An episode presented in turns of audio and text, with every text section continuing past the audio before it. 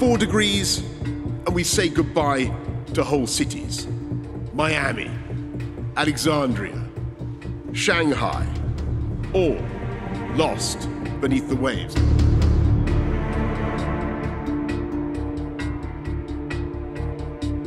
أهلا بكم.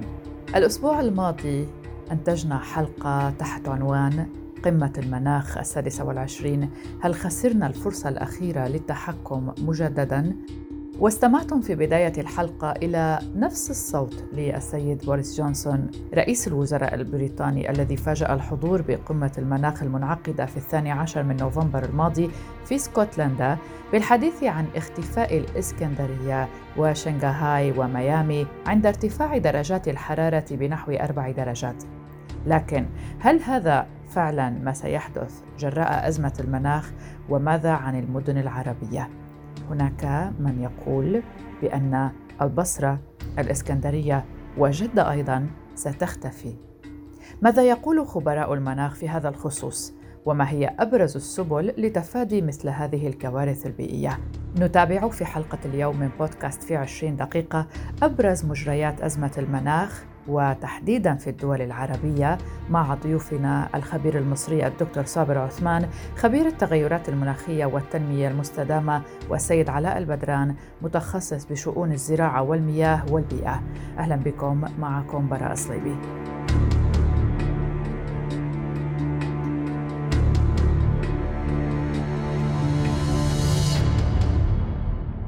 أكد بوريس جونسون إذا أن ثمة مدن قد تختفي تماما في حال ارتفعت حرارة الأرض أربع درجات مئوية إضافية وحذر بأنه علينا أن لا نتجاهل العلماء. ومع ارتفاع الحرارة إلى أكثر من درجتين مئويتين سنعاني من نقص المحاصيل الغذائية وزيادة الجراد وبارتفاع الحرارة عن أربع درجات سنخسر مدننا مثل ميامي الإسكندرية وشنغهاي التي ستذهب جميعها تحت سطح البحر. وشدد على أنه حان وقت التصدي للتغيرات المناخية ولا مزيد من هدر الفرص موضحا أن العالم بحاجة إلى ثورة خضراء لمواجهة التغيرات المناخية. وإن مهمتنا اليوم هي العمل معا لإزالة الكربون من الهواء. وقال إن الأجيال القادمة ستحكم على نجاحات الحكومات الحالية في مواجهة التغيرات المناخية وربما لن تشهد تلك اللحظة. لسنوات طويلة ساد اعتقاد بأن مستويات أسطح بحار العالم سترتفع بنحو أقل من متر على أكثر تقدير بحلول عام 2100 ولكن الدراسات الحديثة رجحت ارتفاع مستوى سطح البحر بنسبة أعلى بكثير بسبب التسارع المضطرد في ذوبان الجليد في غرينلاند وأنتاركتيكا. وتشير دراسة أجرتها الأكاديمية الوطنية للعلوم في الولايات المتحدة أن مستوى سطح البحر سيرتفع لأكثر من مترين ما يعني أن العالم سيفقد مساحة من اليابسة تبلغ حوالي 1.79 مليون كيلومتر مربع أي ما يعادل مساحة دولة ليبيا كاملة. ويمثل هذا السيناريو كارثة للزراعة والأمن الغذائي في مناطق متفرقة من العالم. إذا تعيش بعض المدن العالمية على وقع خطر الاختفاء غرقا وفقا للدراسات المناخية. قد تغمر المياه عددا من تلك المدن الساحلية حول العالم وذلك مع حلول العام 2050 نتيجة للاحتباس الحراري.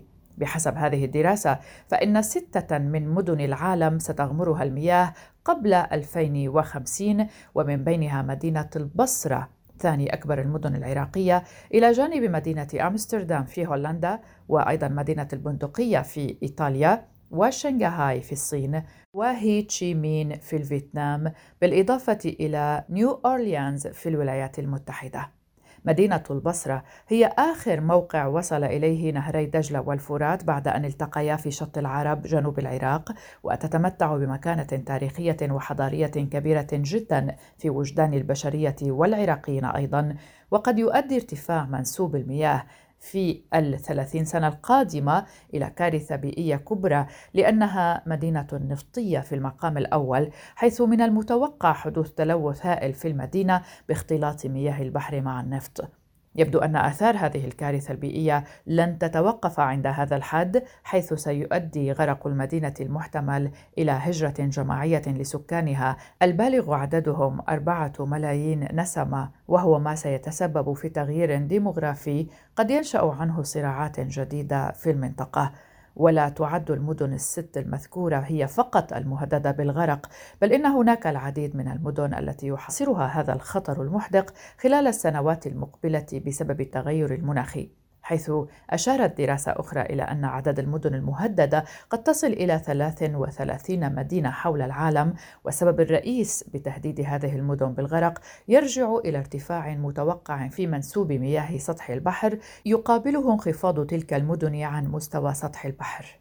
ومع تسارع ارتفاع مستوى البحار والمحيطات بالتغير المناخي وارتفاع درجة الحرارة من المتوقع أن تتضاعف الفيضانات الناتجة عن ذلك بمقدار عشرة أضعاف بحلول عام 2080 وهو ما ستكون آثاره مضاعفة على تلك المدن التي ذكرناها.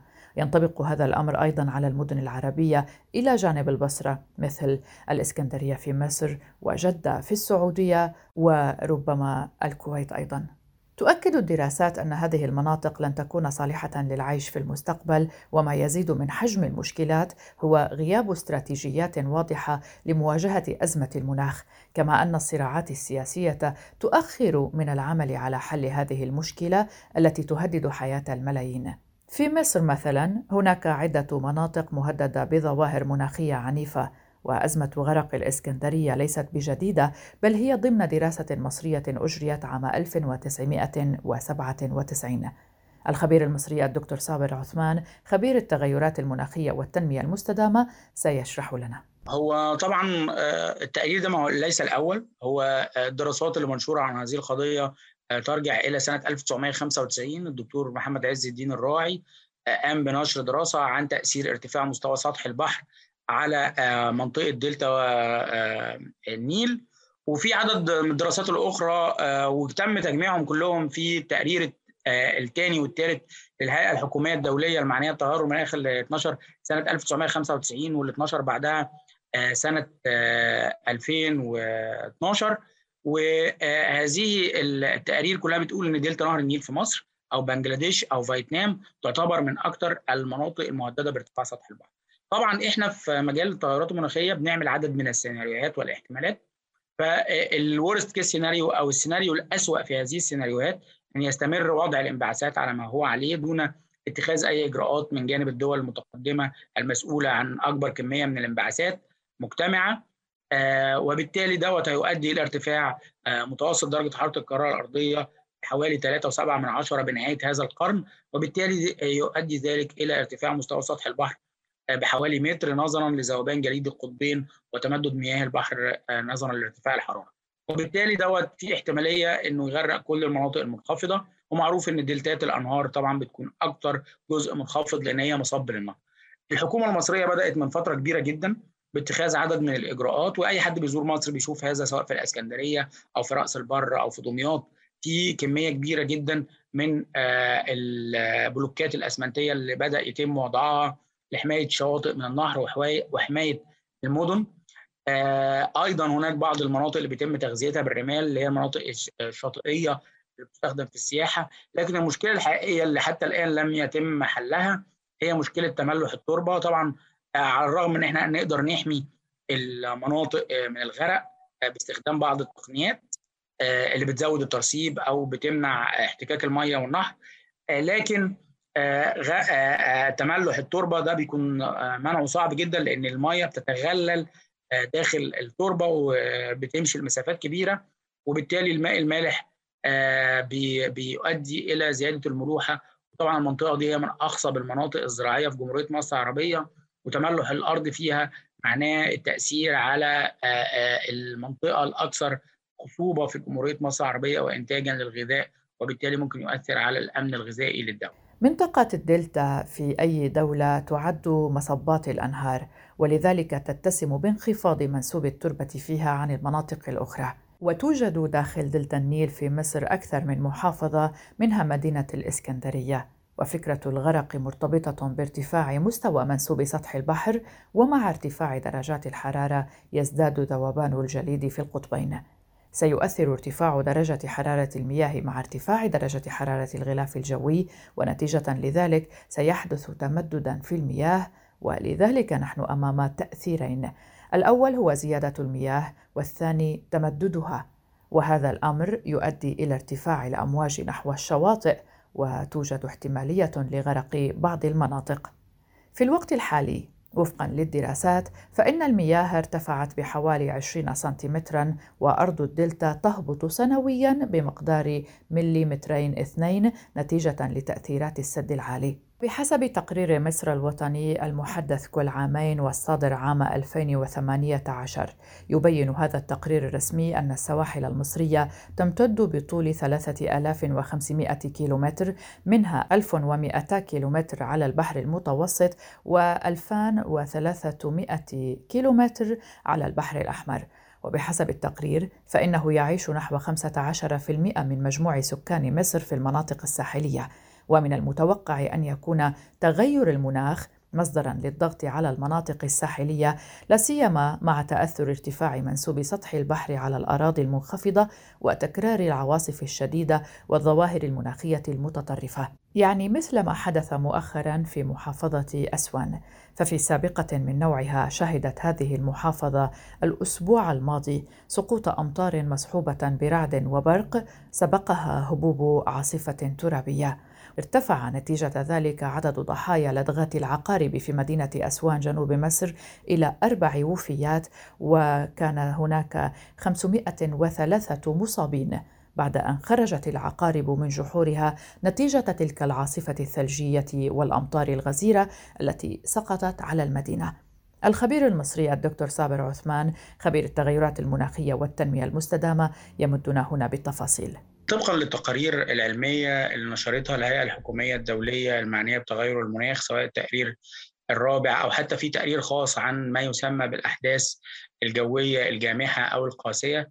فالاحداث اللي حصلت في أسوان خاصة وإن التوقيت بتاعها وشدتها وحدتها وطبيعتها مختلفة عن الظروف الطبيعية المعتادة في هذه المنطقة عبر السنين فبالتالي نقدر نعمل ما يسمى بعملية العزو أو الاتريبيوشن نقدر نقول فعليا إن ما حدث في أسوان هو ناتج من نواتج التغيرات المناخية وإن ما حدث دوت هو نوع من أنواع الأحداث الجوية القاسية أو الجامحة الناتجة من تغير المناخ وطبعا واضح من الحدث نفسه هطول أمطار غزيرة وبرد وجليد في هذه المنطقة من هذا العام المنطقة دي في جنوب مصر جوها في الأساس جو جاف في هذا الوقت هي تعتبر مشتى كل المواطنين حتى السياح من الدول الأجنبية بيقدروا يجوا لأن الظروف الجوية فيها بتبقى جيدة جدا لما يحدث فيها حدث بهذا الشكل نقدر بالفعل نربطه بشكل مباشر بتغير مناخ الكرة الأرضية. سألنا ضيفنا فيما تتمثل خطورة هذه التغيرات المناخية في مصر. طبقا للدراسات اللي موجودة في الوقت الحالي والمنشورة هناك عدد كبير من الاحتمالات الخاصة بالظروف أو أو المخاطر الجوية. منها على سبيل المثال الموجات الحارة ودي مرشح إن هي تزداد في المستقبل بشكل كبير جدا وبتغطي كل القطر المصري بما فيه الوادي ودلتا نهر النيل. أيضا الصقيع خاصة في فصل الشتاء وده ممكن يؤدي إلى التاثير على عدد كبير من المحاصيل خاصة محاصيل الخضر. ممكن كمان يؤثر على المجموعات المهددة داخل المناطق المختلفة مثل كبار السن أو الأطفال الرضع أو السيدات. طبعا برضو الموجات الحارة بتؤدي لنفس التأثير على هذه المجموعات خاصة كمان العاملين في في الخارج. أي حد بيشتغل في منطقة معرض بشكل مباشر للشمس زي عمال البناء على سبيل المثال فبالتالي صحتهم ممكن تضرر كل من عنده مرض مزمن زي أمراض الحساسية الصدرية كلهم ممكن يتأثروا سواء بالموجات الحارة أو الباردة أو حتى العواصف الترابية والرملية اللي مرشحة للزيادة خاصة من مناطق الصحراء الغربية والمدن المجاورة لها وأيضا هيكون لها تأثير على الزراعات الموجودة في هذه المناطق وزيادة معدلات التصحر. اذا ما هي الإجراءات الاستباقية؟ الخبير المصري الدكتور صابر عثمان يجيبنا. طبعا المفروض إن في مجموعة كبيرة جدا من الإجراءات مؤخرا الحكومة المصرية أعلنت عن استراتيجية تغير المناخ على هامش مؤتمر الأطراف السادس والعشرين واللي فيها جزء بيتكلم على التكيف مع تغير المناخ وزيادة المرونة وبالتالي هناك عدد من الإجراءات المذكورة اللي منها إن إحنا محتاجين نحسن نظم الرصد يكون عندنا محطات أرصاد بشكل أكبر نحسن نظم التوقع والتنبؤ الخاصة بتغير المناخ عن طريق استخدام النماذج الرياضية المحلية والنماذج الرياضية العالمية. بالإضافة إلى ذلك نحتاج إلى بعض المجهودات على الأرض نفسها إن يكون عندنا فرق معدة وجاهزة من فرق الدفاع المدني للتدخل في وقت حدوث أي من هذه المخاطر الشديدة. بالإضافة إلى ذلك طبعا هناك احتياج في المستقبل إلى تمويل من الدول المتقدمة المتسببة في حدوث تغير مناخ الكرة الأرضية نظرا لمسؤوليتها التاريخية. انها تقدم تمويل من خلال هذا التمويل نقدر نعمل عمليات تحسين للبنية الأساسية لأسوان وغيرها من باقي المدن عشان تكون قادرة على تحمل هذه النوعية من الصدمات. في عشرين دقيقة مع براء صليبي العراق أيضا مهدد وهناك احتمال بغرق بعض المناطق المحيطة بشط العرب إضافة إلى خور عبد الله ومساحات مائية لأهوار البصرة. الأمر الذي يهدد بحدوث هجرة ونزوح من هذه المناطق إلى مناطق أخرى ما يعني تدهور النسيج المجتمعي وتضرر المزارع والأراضي الخضراء المحيطة بالأنهار. بالإضافة إلى تأثيره على المشاريع العمرانية والسكانية في هذه المناطق المتأثرة. هذا إلى جانب أن كل عام يزداد وقع التغير المناخي في موسم الصيف العراقي الحار على المزارعين ومربي المواشي الذين يجدون أنفسهم مرغمين على النزوح وبيع أراضيهم بعدما نفق عدد كبير من مواشيهم وابتلعت المباني ما تبقى من أرض صالحة للزراعة. في هذا البلد ذي المناخ الصحراوي القاسي حتى قبل التحولات المناخية الصعبة شكلت الأهوار في الجنوب ملاذا لقطعان الجواميس التي تلجأ لمياهها العذبة واحتماء من درجات الحرارة التي تفوق الخمسين في الصيف. وفي أقصى جنوب العراق شكل شط العرب المنفذ الوحيد للعراق على البحر والذي يمثل جنة للملاحين وسط بساتين النخيل العامرة. بات الوضع اليوم شبه مأساوي فقد تسبب شح المياه في نهري دجلة والفرات خصوصا بسبب السدود التي تبنيها تركيا وإيران وامتلاء مجاريهما بكم هائل من نفايات كل المدن التي يعبرانها. تسبب بكارثة في شط العرب حيث بدأت الملوحة تتسرب إلى الأراضي الزراعية وتقتل المحاصيل. في الأعوام الماضية تسببت ملوحة المياه بتحويل آلاف الهكتارات من الأراضي إلى أراضٍ بور وبدخول مئة ألف شخص إلى المستشفيات في صيف عام 2018 وفي الإجمال تضرر سبعة ملايين عراقي من أربعين مليونا من الجفاف والنزوح الاضطراري وفق ما ذكر الرئيس العراقي برهام صالح في تقرير أصدره عن التغير المناخي. وأصبح جفاف الأنهر والأهوار واضحا بالعين المجردة ويتسارع بشكل مضطرد في بلد شهد منذ أربعين عاما حروبا وأزمات متتالية أضرت بشدة بالبنى التحتية فبات العراق يفتقر إلى مقومات التأقلم مع مناخ لا ينفك يزداد قساوة. وبحسب الأمم المتحدة فإن 3.5% من الأراضي الزراعية في العراق هي فقط المزودة بأنظمة الري. السيد علاء البدران متخصص بشؤون الزراعة والمياه والبيئة في العراق يشرح لنا. إيه، طبعا التصحر في العراق يعني في ازدياد كل عام بسبب قلة إيه، تساقط الأمطار من جهة. ومن جهة ثانية تحكم دول الجوار تركيا وإيران في مصادر المياه العذبة اللي هي تستخدم لأغراض الزراعة والتشجير وغيرها. إضافة لهذا أنه المشاكل السياسية اللي يمر بها بلد مثل العراق قد تكون يعني لها أضرار آه، كبيرة على يعني مستقبل آه، المناخ فيه. الآن قد ما يعني ما ظاهرة لكن هي بالحقيقة أنه نعاني من عندها وبدأ الإحساس بها. يعني أكو قد نكون يعني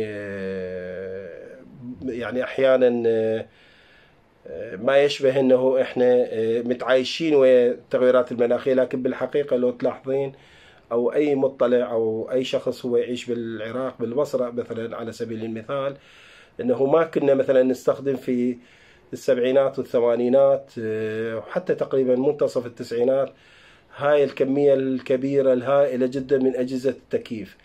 هذه طبعا لها تداعيات استخدام كثير للطاقة والطاقة أيضا إنتاجها هو ملوث.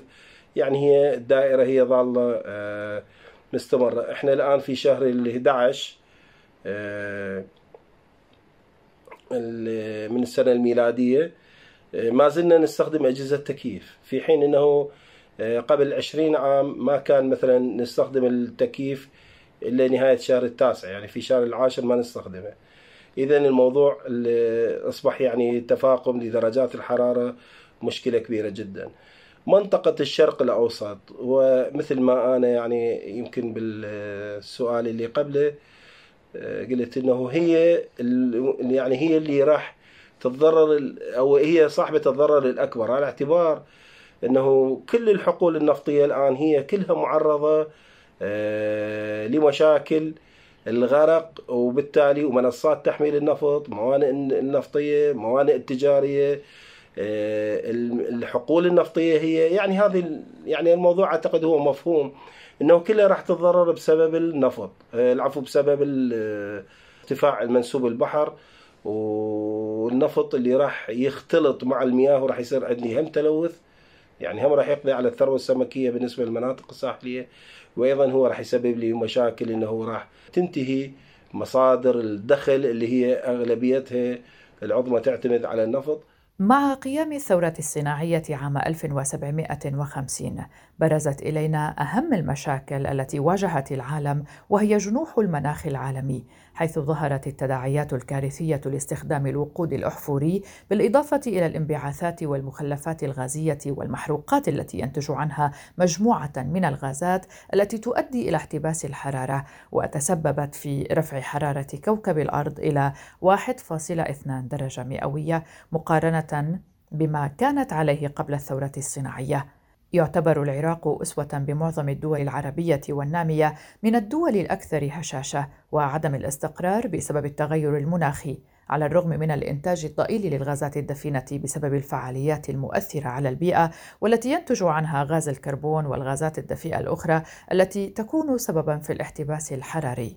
وعليه. بات جليا ملاحظة موجات الجفاف وأثرها السلبي على مصادر المياه والحياة العامة التي تأتي بنتائج حتمية واضحة بتدهور الأراضي الزراعية.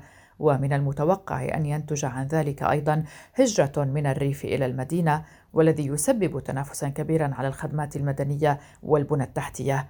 وإن أهم مخاطر التغير المتسارع أنه أدى إلى تفاقم المشكلات في مختلف النظم البيئية والحيوية المهمة كالغذاء والمياه وهو ما يهدد استقرار الأمن العالمي حيث أن بعض المدن مهددة بالجفاف والبعض الآخر مهدد بالغرق وخاصة المدن أو المناطق الساحلية. ضيفنا السيد علاء البدران المتخصص بالشؤون الزراعية والمياه والبيئة يمدنا أكثر بالتفاصيل. مثل مدينة البصرة يعني خلال العشرين أو ثلاثين عام القادم. أولا البصرة كونها مدينة نفطية فإن أي ارتفاع لمعدلات المياه فيها قد تكون بها مخاطر على الحقول النفطية الكبيرة جدا على الآبار النفطية اللي أكيد راح تتضرر بصورة مباشرة وبالتالي آه، راح يحصل تلوث هائل جدا. آه، بسبب اختلاط مياه البحر مع يعني مع البترول. وهذا آه، راح يسبب كارثة بيئية كبيرة جدا. إضافة لهذا المشكلة الأكبر أنه راح يصير عندي هجرة غير آه، مسيطر عليها. يعني البصرة في في الوضع الحالي أو في هذا الوقت هي فيها تقريبا أربعة مليون شخص. آه، معظم اقتصاديات العراق تعتمد على البصرة. آه، بحدود الأربعة يعني مليون آه، يعتمدون في عملهم في تجارتهم على الاقتصاد المحلي للمدينة أو على العمل في الموانئ أو المنشآت النفطية أو التجارة. هذه طبعا إذا نريد يعني إن نحل هذا الموضوع هذول مثلا هذا هذول الناس وين راح يتوجهون؟ آه، العراق قد يكون آه، سبب غير مباشر آه، في التلوث البيئي باعتبار إنه هو أحد الدول أو أحد البلدان اللي هي تصدر النفط يعني الوقود الاحفوري لكن هو كمسبب للتغيرات المناخية ما أعتقد لأن حتى إحنا عندنا بالعراق الصناعه هي صناعة يعني ما زالت ضعيفة. آه، لكن بالمقابل ما توجد مثلا مساحات خضراء أو غابات أو غيرها آه، يعني تعادل ما آه، يعني ما ينتج من كربون من احتراق كربون. هذه هنا المشكلة. يفترض مثلا على سبيل المثال إنه كل يعني كل شخص عالميا يفترض إنه إلى للراحة والتجميل ثمانية متر مربع آه، منطقة خضراء. فكيف إنه إذا أريد مثلا الآن نعالج مشاكل الكربون اللي يعني اللي هي آه، سبب ظاهرة الاحتباس الحراري باعتبار إنه هو كون هذه الطبقة أو الغلاف حول الكرة الأرضية اللي تشبه هي بالضبط ظاهرة آه، البيت البلاستيكي البيت الزجاجي البيت المحمي اللي هو يعني يحبس الحرارة ما يخليها تشتت وتطلع. هنا هي المشكلة. الآن يفترض أنه إعادة زراعة آه، أو تعويض زراعة ملايين الأشجار اللي قطعت آه، بالبصرة خلال الحرب الحرب الخليج الأولى اللي تقريبا كانت فيها بحدود الستة ونص مليون نخلة الآن أقل من 2 مليون. يعني عندنا فرق 4 مليون. مثل ما معلوم أنه النخلة الجذع مالتها أو الساق مالتها هو يحمل آه، نسبة كربون عالية يخزنها. يفترض أنه نعيد زراعة النخيل آه، كذلك بالنسبة للدول الأخرى مثلا المفروض أنه الخليج عموما وكل الدول المنتجة للنفط آه، على الأقل تزرع يعني أشجار تعادل ما أنتجته من نفط باعتبار أنه الآن هي مستفيدة من النفط حتى تحصل أموال. يفترض أنه هي هذه الدول هي اللي تبادر أنه إنشاء صناديق آه، لغرض آه، يعني معادلة آه، مشكلة احتراق الوقود الأحفوري إضافة لهذا الدول الصناعية اللي هي تربح أرباح يعني كبيرة جدا من استخداماتها للطاقة على الأقل أنه هي المسبب الأول. الكويت ما تختلف كثيرا عن البصرة فقط هي ترتفع قليلا لكن في أحد التقارير اللي آه، سجلت يعني يقال أنه آه، ارتفاع ذوبان آه، لا سمح الله القارة القطبية الجنوبية فيها مناطق كثيرة جدا متجمع فيها الثلوج في حال ذوبان كمية من هذه الجبال ممكن أنه ترتفع المياه إلى 61 متر. ال 61 متر بالنسبة للعراق يعني الغرق يوصل إلى تقريبا آه، أعالي بغداد يعني لحد تقريبا آه، منطقة سامراء اللي هي شمال بغداد. يعني تقريبا نفس القصص اللي كنا نسمع بها أنه البحر كان يمتد إلى منطقة سامراء في شمال العراق أو في وسط آه، العراق. هذه المناطق يعني كلها راح تغمر. يعني أعتقد أنه الموضوع قد يحتاج إلى آه، تدخل يعني كل دول المنطقة آه، يعني هذا ليس تهويل لكن هو بالحقيقة أنه قد يحصل يعني قد يحدث خلال العشرين أو ثلاثين لأن بعض التقارير أنه تقول عام 2050 هذا أكيد يحصل. إذا لابد إحنا من الآن أن نستعد إليه وأعتقد الحلول هي بيد يعني بيد الناس هذه أو بيد الناس هي القيادات السياسية لهذه الدول. وهذا مو صعب.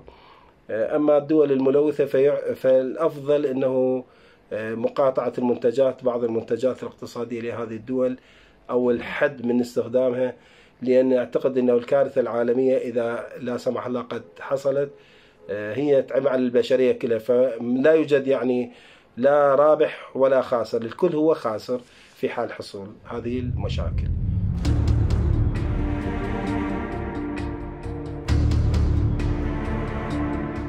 ومن خلال الاطلاع على التقرير الخاص بالانبعاثات الصادرة في عام 2019 أي التقرير المرحلي العالمي عن العمل المناخي يتبادر إلى الذهن وبشكل لا يقبل الشك بأننا نعيش الفرصة الأخيرة المتاحة للحد من ظاهرة الاحتباس الحراري والإبقاء على سخونة الأرض دون درجة ونصف الدرجة المئوية كل ذلك مناط بالالتزام بالاتفاقيات الدولية.